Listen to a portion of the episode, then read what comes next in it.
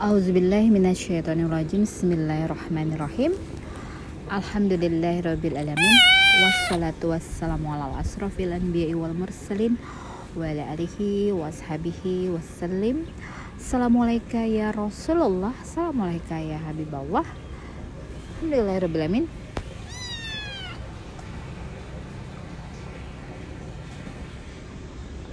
Sahabat Filandil Jana Assalamualaikum warahmatullahi wabarakatuh Iya ini berkenaan dengan ayat surah Al-Baqarah ayat 215 tentang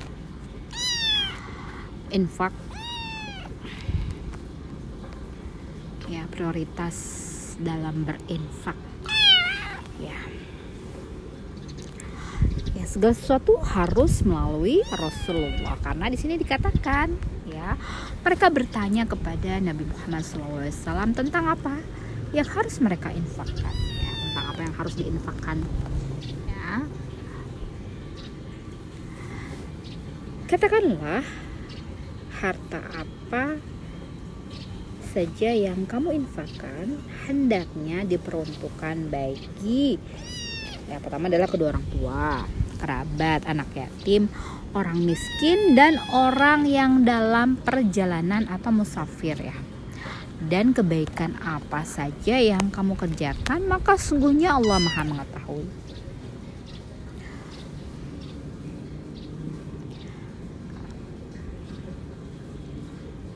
Ya. Jadi mengenai infak ini Allah sebaik-baiknya ya mengatur keseimbangan di alam dunia ini ya, bagaimana Allah melebihkan ya segala apa kelebihan yang diberikan kepada sebagian orang ya meninggikan ya, rezeki yang Allah berikan kepada sebagian orang itu adalah salah satunya sebagai turunnya rahmat dan juga sebagai solusi menghadapi ya ketimpangan ya.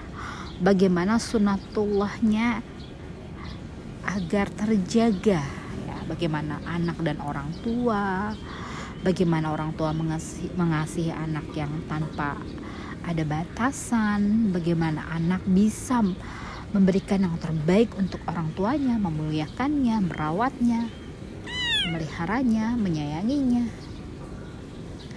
Bagaimana hal yang diprioritaskan? Yang pertama adalah kedua orang tua, kerabat, anak yatim, orang miskin, serta musafir. Ini adalah prioritas untuk kita menyalurkan infak kita kepada mereka. Kemudian lagi, ya,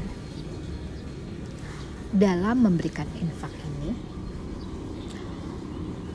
agar dijaga keikhlasannya karena ibadah yang tidak diketahui oleh orang lain ya itu lebih private atau juga untuk menjaga penerima ya penerima. Karena kadang-kadang orang juga uh, ada yang tidak mau diberitahukan sebagai penerima. Infak ya itu kita harus jaga. Kemudian juga sebagai agar amalan kita ini jauh dari hal-hal yang bisa menyebabkan penyakit hati seperti riya tergantung dari niatnya. Kalau bisa tangan kiri pun tidak mengetahuinya. Namun kalau diniatkan sebagai syiar sebagai contoh untuk orang lain ya karena manusia ini memiliki tipikal yang berbeda-beda namun yang terpenting adalah segala kebaikan yang kita lakukan adalah Allah mengetahuinya. Ya, bagaimana ini telah Allah tetapkan teruntuk kita agar terjadinya keseimbangan. Orang yang berada dalam berbagai cobaan berupa kemelaratan, eh, kemudian hidup pas-pasan, ya, menjadi perintah bagi orang yang memiliki kelebihan untuk memberikan infaknya kepada orang-orang tersebut. Namun hal yang paling utama adalah bagaimana ini menjadi perhatian untuk kita bahwa dalam berbuat kebaikan itu diutamakan pertama adalah kepada orang tua, kepada kerabat, kepada yatim, tidak memiliki orang tua, kemudian fakir miskin, ya orang-orang yang di bawah dari kecukupan. Kalau bukan kita siapa lagi yang yang memelihara mereka ini? Dan orang-orang di perjalanan, ya seperti halnya kita ketahui orang-orang di perjalanan itu dengan segala keterbatasan mereka harus terus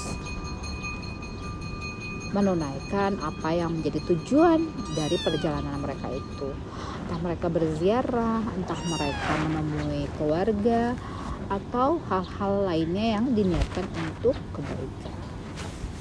Ya mungkin itu saja ya dari penjelasan tentang uh, segala sesuatu ya itu melalui Rasulullah bagaimana kita ya takdim terhadap apa yang Rasulullah contohkan berupa suri tauladan yang Allah beri paham dan Allah perintahkan kepada Nabi Muhammad SAW untuk menyampaikannya, menyampaikannya kepada kita semua. Semoga ini membuat hati kita bertambah cahayanya untuk bisa berbagi ya memberikan segala kebaikan ya untuk memperhatikan terutama adalah orang tua kerabat anak yatim orang miskin dan musafir Semoga bermanfaat. Subhana rabbika rabbil izzati amma yasifun wa salamun ala mursalin alamin. Wabillahi taufik wa hidayah. Assalamualaikum warahmatullahi wabarakatuh.